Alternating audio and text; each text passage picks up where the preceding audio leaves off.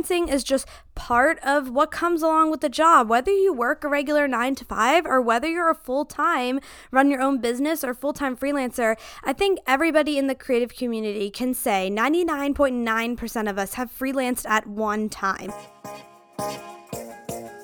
I'm your host, Brianna, and you're listening to the Living Creative Podcast.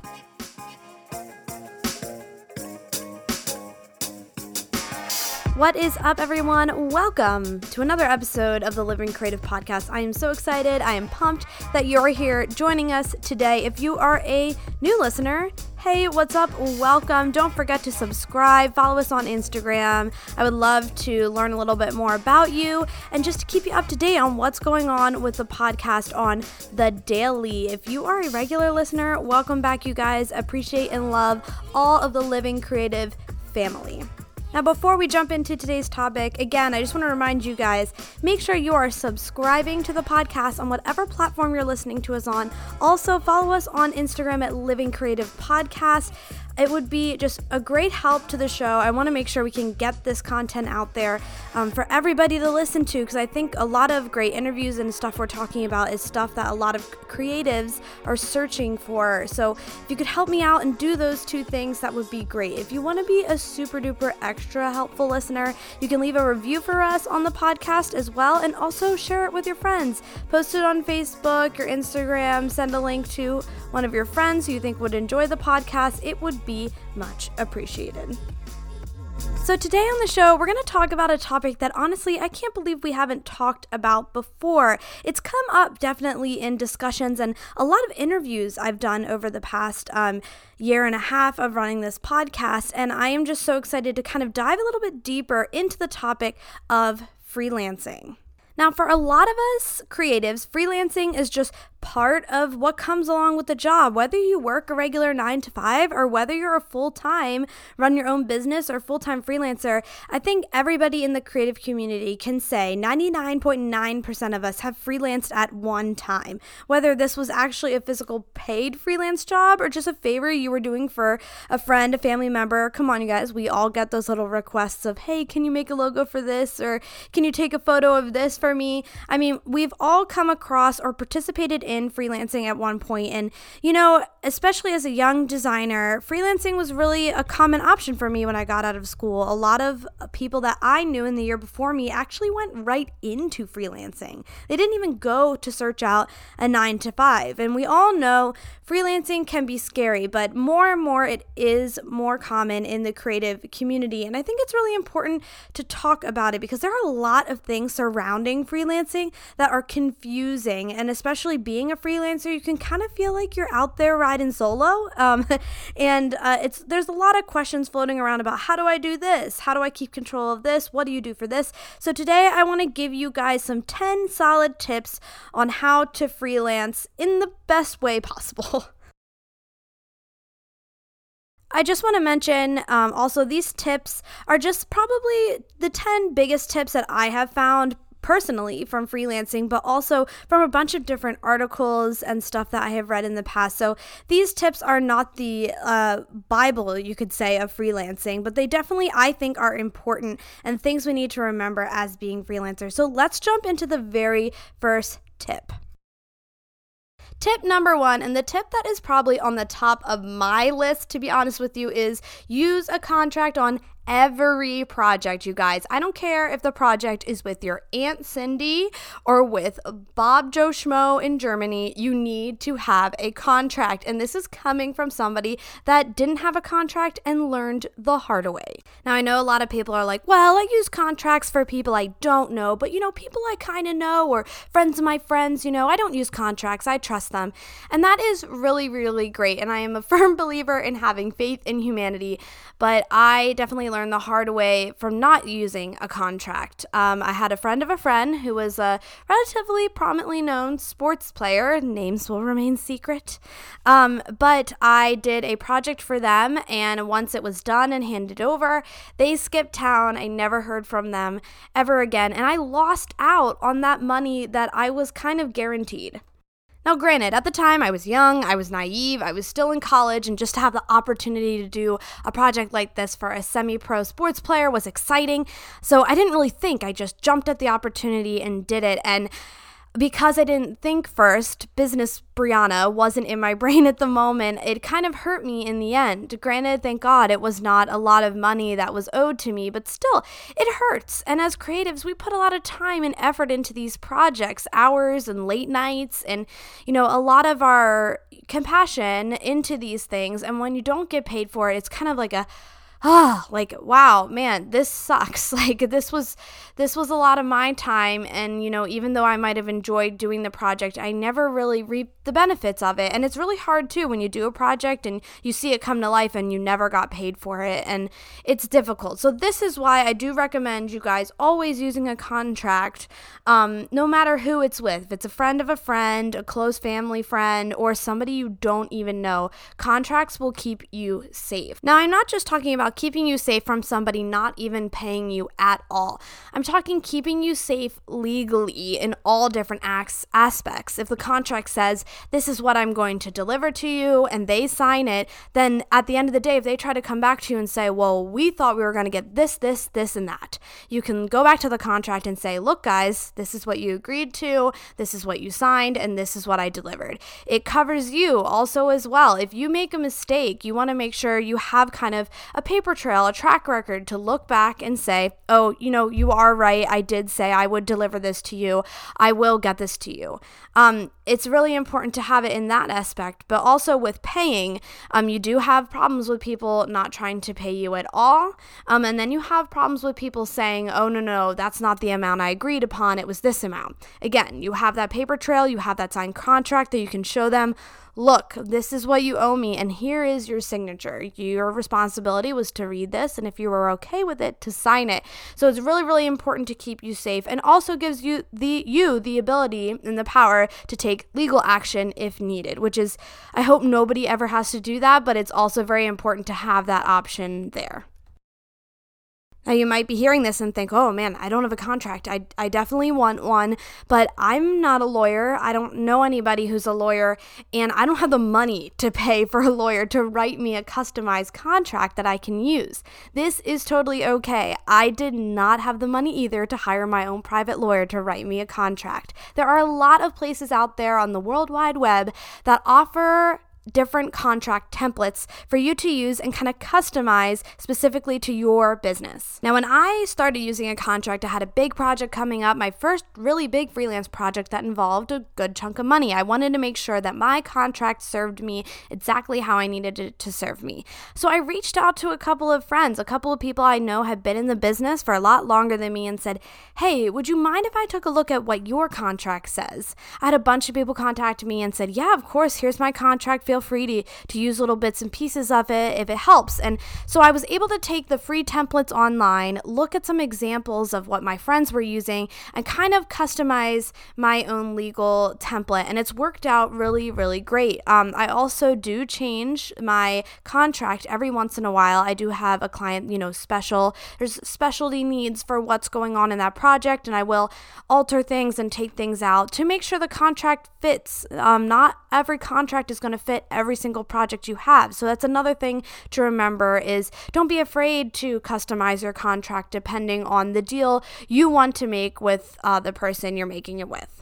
I know contracts can seem really intimidating and tricky, but I promise you there are a lot of resources out there on the World Wide Web for you to check out. And don't be afraid to reach out to your friends. But either way, you guys, make sure you have a contract and make sure that is something that you're using on every single project. I also, another tip for you in contracts is um, when I do talk about starting a project with a new client, um, I usually get them a quote, and along with that quote comes a contract. And I say, okay, if this is what you want to do, do, go ahead and sign the contract. And I let them know that I will not be starting any work until that contract is signed. Now, this is something that is up to you. I know people like to get a head start on things and kind of start working on things before the papers are signed, but I really recommend you tell this to your clients because you, they, you don't want them thinking that you're starting the project and, um, not waiting for them to sign that contract. That contract's got to be signed for you first before you start any work. So I hope you guys look into contracts. Um, if you would like to see my contract, please feel free to contact me. I'd be happy to share it with you all. Tip number two, and this tip kind of also piggybacks on the back of contracts, is always make sure you guys are getting a down payment once that contract is signed. Now, I know there are a bunch of people that handle this in a bunch of different ways. Um, a lot of people like to be paid. If you're like a photographer, like you're doing a photo shoot, you ask to be paid on the spot um, on that day of the photo shoot. For designers, it's a little different because, you know, a lot of times, a lot of my clients, I'm not working with them in an office. I'm sending everything via email. We're having Skype meetings. I'm never physically with that person, and things are kind of going on throughout the process where, like, a photo shoot, um, a lot of the work starts and is bulked on that photo shoot day, and then editing comes later. So, um, however you want to structure this, I think can be catered to how you feel is better for your what you are doing, the service you are providing. But just to speak as to me and designers is I do ask for a 20% down payment of whatever that project is. So, unless I'm getting paid hourly, um, if I have a project, um, I ask for 20% of the total of the project up front. Um, this also helps too. Uh, a lot of times with designers or people who are kind of creating things like this, uh, sometimes people skip out mid process. And this also helps secure myself and keep myself safe when it comes to payment. If that person would kind of disappear mid project, I still know that I at least made 20% of what I was supposed to make. Um, it just is a way to keep yourself safe financially um, and kind of have that backing. Um, a lot of people, too, don't really have a problem with paying that 20% upfront. A lot of people do it, a lot of places do it. Some people get a little nervous about it, but honestly, I would recommend maybe um, asking for 20, 25% upfront um, to help just kind of keep you safe financially. Tip number three is one that I don't think we think of most often, but it's something I think we all need to talk about and all remind ourselves about, and that is saying no to our clients. Now, oh, I know you think of doing that and it makes you all sweaty and you get a little nervous, it's cringy, but you have to remember that this is your business and you hold the power and you do have the power to say no. And you're thinking, well, Brianna, why would I ever say no to something if I'm the freelancer? Let me just give you a couple scenarios and examples of how you can say no and why you should say no sometimes. As a designer, I can give you a, two really good solid examples, and I'm sure when you hear these, you're gonna go, oh, yes, I know, that's me, that's me. I have had clients where I've worked on projects call me at the 10th hour of the day asking for some crazy change to something and wanting it back immediately. Now, of course, I work in marketing, and marketing can be fast, furious, and quick, and sometimes things need to happen like that.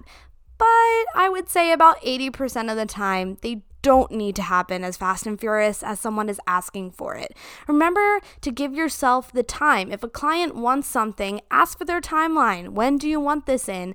And then if that timeline it you don't think is going to work for you, ask for an extended timeline. You are controlling when you're giving things to your clients. You have the power to say, mm, listen, I know you want these changes right now, but actually I can't get to them until tomorrow morning. Would you mind if I send it to you tomorrow morning? Don't be rude and just say, no, not happening. Don't do that, of course, but, you know, be a good business person and let them know, hey, listen, this is why I can't get this done in this amount of time. Also, I've had a lot of clients come to me asking for quick turnarounds and it just sacrifices the integrity of the design. And I knew, I know in my mind, if I have just a couple more hours to problem solve this, it's going to work out a lot better than if I have 30 minutes to solve it. So that's just one example that I've experienced of having to say no.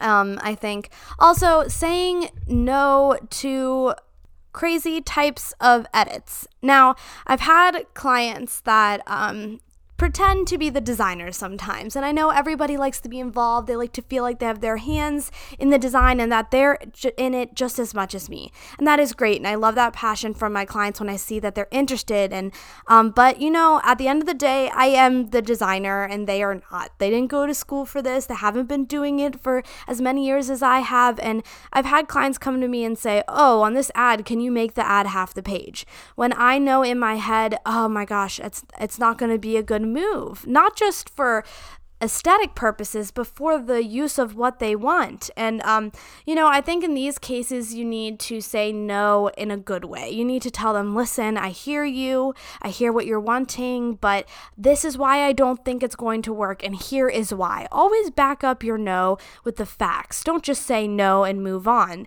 Um, show them that you're thinking through this issue and maybe provide a different type of solution if they're asking for something to be moved in this direction or something to be larger and something to be smaller. Um, say, hey, listen, I don't think that's going to work out as well, but here, I think this might serve the problem you're trying to fix. And, you know, saying no to these types of things is difficult too. I always like to remind my clients, hey, you you hired me because you trust me and you liked my work. So, you know, when it comes to making these decision, decisions, I need you to put your trust in me. Remember why you hired me and just trust that the advice that I'm giving you is the right advice. Tip number four is a really quick tip, but I think another thing that people forget sometimes is don't forget about you. Spend some time, carve some time out in your day, in your week, or your months to work on your own freelance brand. Your brand is important. It's going to help people recognize you, and especially if you're a freelancer, you're marketing yourself. You're all you got. So, you know, don't neglect yourself. I think a lot of freelancers are like, okay, I have this logo for like 45 years now, and um, that's it. That's all I've got. Where, you know, it's really fun to kind of, you know, give yourself some time, do some passion projects uh, under your freelance brand. Um, use some time to just refresh your brand every couple of years. Just make sure you put your time and effort into your brand just as much as you put into your clients sometimes because it's really going to show and it's going to help attract just the freelance work that you are wanting. And piggybacking off of tip number four is tip number five, and that is to make sure that you are showcasing the work you want to attract and take on. Now, for example, if you're really in, if you're a photographer, you're very, very into sports photography, make sure you're getting those projects or creating projects for yourself that revolve around sports photography. I can't tell you how many people have come to me, especially from just working in sports for the past couple months, asking me, hey, can you take a look at my portfolio? I, I want to get into sports, but I'm just right out of school. And when I go into their portfolio, I see no sports related work at all. And I feel like a lot of people think, oh, well, if I didn't really do that project in real life for a client, I can't show it. And that's not true. I think people really love seeing the passion projects that you do. And those are really fun to do on the side. I've been doing them a lot lately, and I've just been learning a lot of new things too from doing them. So if you're really into, say, hey, I want to break into the children's healthcare market, but I don't have any clients for that yet, create some projects for yourself. Take a look at the market. Maybe you want to create something fun and new. Um, that is possible to do out there, but you know, maybe do it on your own. So then when you do go to clients in that industry, you say, hey, listen, I kind of concept this. I, I did this, you know, on the side as a fun project, but I think it could be great for you too, as well. So make sure you're putting out the work into the world that you want. You want to attract the clients you want at the end of the day, and your work can do that for you.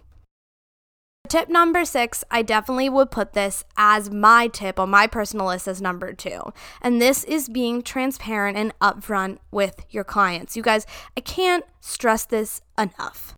I think clients really, really appreciate the fact if you're very clear, upfront, and honest with them on all kinds of levels. Um, I can't tell you enough. I always say this in my nine to five and just like working with freelancers is I don't beat around the bush, I don't BS, and I'm very straightforward and honest with you. If I have a problem with something, I'm going to come and tell you. If something needs to be pushed back because of something else, I will tell you. I'm also going to be very upfront and honest about my pricing. I'm not going to try and fool you and say, oh, hey, I had to tack on this because I forgot, or, you know, everything in my contract outlines what you're paying for and why you're paying for it. And I think clients appreciate this so, so much. And I think a lot of people underestimate this. Obviously, if you're a current freelancer now, you know that freelancer and client relationship is so, so important. And I think what really helps build a very strong foundation of this is being upfront and honest with your clients. They're going to appreciate it and it's going to just kind of keep that friendship going, but also just have them trust you that much more. So keep this in mind. Always make sure you're transparent and clear, upfront and honest with everything you're doing, every aspect of your freelance business. For tip number seven, it's closely related to what we just talked about for tip number six, but that is communication. Um, this is another big one, definitely comes in as probably my number three on the list, is make sure you're a good communicator. And I know this sounds weird, um, but there are a lot of people that are just not very clear in their communication, whether that's speaking to them or via email. Um, just make sure whenever you're conveying things, you're doing it in a professional way, but also in a very clear way. I can't tell you how many times times things have gotten lost in translation over email. I'll get an email from somebody and I'm like, okay, I don't know if this means this project needs to be done by next week or by next year or they need it now. And I'm not sure exactly what they're asking from me. Um, this is just all another great business practice is to practice your communication. Make sure when you send emails that you're being very clear, especially when it comes to pricing and time deadlines um, and details of projects. Um, but also, it's just a great reflection on you. It shows you know how to communicate clearly, and it will also just keep things from getting all messed up and jumbled up. And um, it'll just keep projects on the right path, um, and it'll make your clients just more confident in you. Again, building that trust with each other. Now, as freelancers, I know a lot of us do the job because we love the perks that come along with it. We love the control we have. But also, a lot of us, I think, need to remember this. And this is tip number eight is focusing on the now. And I found this really great cro- quote that I want to read to you. And it says, Watch your feet so you don't trip while you're looking at the end goal. And I think a lot of us forget about this. We have these goals set for ourselves and we just are looking at them. We're like, okay, I got to get there. I got to get there. I got to get there. But remember where you are now and what you can do now to get to that end goal. You're never going to get there if you don't take the baby steps to get there, to reach that goal. So don't forget about what you're doing now. I see a lot of people do this and I've seen a lot of people do it in business too is they're so focused on these goals that they forget about what is currently happening what is going on. And if you have a lot of clients and a lot of, you know, projects kind of up in the air, if you're constantly focused on, you know, oh, I got to reach this goal of making this money at the end of the year. So, you know, I'm going to go out there and get all this new business, but you forget about the business you already have, it can really damage a lot of your relationships with your clients. And um, it's again just a tip to really focus on the now while still looking at the future. Um, use these clients, take these baby steps that you need to take to get to your end goal, but don't always be looking so far ahead that you forget where you're at now. Now, for tip number nine, is definitely something I haven't had too much experience with because I haven't been freelancing a whole lot very often, but it's knowing your numbers. Now, I know people that are full time freelancers know, oh, yes, preach, like I hate taxes and I don't understand them and I don't understand how to balance the books and blah, blah, blah, blah, blah, keep track of all of this. And I know it can get very complicated. And unfortunately, I haven't had that experience yet, but I was reading this one article and something really caught my eye and it said a lot of freelancers freelancers handle themselves like contractors when they should really be viewing themselves as a small business. Just because you work from home doesn't mean you're not a business owner, and every good business owner needs to know their numbers. Now, I think the person in the article made such a good point because I kind of thought of myself as a contractor, you know. I'm not I'm not a business. I just, you know, do work when people need it. And I need to start thinking about myself as a small business and not just, you know, a quick pay for hire job for a logo here or a branding or a website there. I need to think of myself as a business regardless of how many times I freelance a year. Now, when you say numbers, you're like, okay, Brianna, like there's a lot of numbers involved with owning your own business. Which numbers are you talking about? So, specifically, I want to talk about the business revenue. How much do you need to make per month to live? So, this is really important, especially if you're a full time freelancer, but maybe you're just saying, well, I don't do that type of freelance. I still work a nine to five, but I just, you know, use freelancing as some extra cash on the side. Okay, regardless of what situation you're in, have a little goal for yourself. Say, okay, this year I would like to make this much money in freelancing financing. And um, write that down when we're talking about numbers. Keep track of them. Don't just come up with them in your head and keep them there. Make sure you're keeping records of these things. Of course, you need to also keep track of that money once it's coming in, where it's going, what expenses you're you're expensing to your business. All of these type of transaction money numbers you need to keep a good eye on and a good track of whether you have somebody to do that for you. I know there are so many programs and apps out there, QuickBooks and stuff like that that offer so many great tools for you to keep track of all of these numbers in a very easy way so you don't feel so overwhelmed like you're writing things down in books. Um, Um, I know a great friend of mine who was on the show uses QuickBooks a lot to track all these expenses. He just has to take pictures of receipts and it does all the work for him. So, you know, numbers can be scary and confusing, but remember, there are tools out there that can help you handle all these things with ease. Now, some other numbers that this person brought up in an article I read I thought were really important as well. And when we think of numbers for business, we think all money all the time. And, you know, there are other numbers you need to pay attention to as well that don't have to do with money. Um, some of them, like site traffic. If a lot of your business depends on people visiting your website to finding stuff out, um, site traffic's an important number you want to pay attention to. Um, you also want to start paying attention to other numbers like your time. And I think this is another one too that I didn't think about initially, but you need to be tracking your time. How are you using your day? What are you doing during your day? What percentages of what are you doing a day? So tracking your time doing those things to help maybe make your business business a little bit more proficient. At the end of the day, I know numbers can be overwhelming, whether it has to do with money or has to do with site traffic, but these are really important things you need to pay attention to, and I think will help make your business that much more successful. And drum roll, please, for ladies and gentlemen, tip number 10, one of my favorite tips, and that is to not forget about yourself. And, you know, as freelancers, the reason we do it is because we love the flexibility and our ability to be our own boss and make our own schedule and travel and not travel when we want to. And that is all great and dandy, but I can't tell you how many times I've come across or talked to my freelancer friends that do it um, as their full time job and they're just so run down. I think, you know, a lot of times creatives can be people pleasers. We just want to make sure we get everything to everybody when they want it, where they want it, how they want it. And sometimes we can forget about ourselves and we can run ourselves into the ground with just working from 5 a.m. in the morning till midnight at night. Just remember about yourself. A part of a, being a freelancer is having that ability to take care of yourself. You're the boss. Don't forget that. You make your own schedule. So make sure you're not running yourself into the ground. Take these past nine tips that I just gave you, help apply it to your freelance life, and hopefully it will give you a little bit more flexibility and time to carve out some time for yourself. I always say that physical and mental health is so, so important as and as creatives, I don't think we talk about it that much in this community. You know, we're all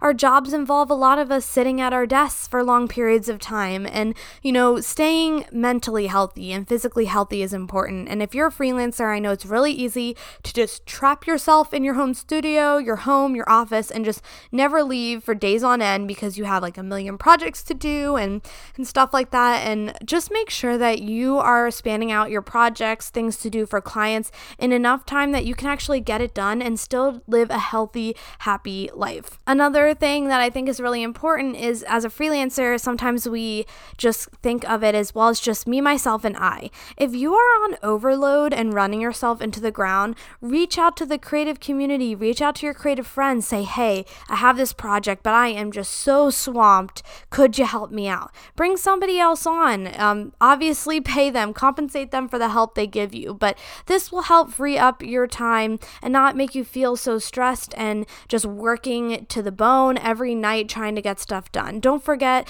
to reach out for help because your health is so important. If you're not healthy, happy, and your body is not running at 100%, you won't be able to create the amazing work that you create. So just take that as our last little wrap up tip for number 10.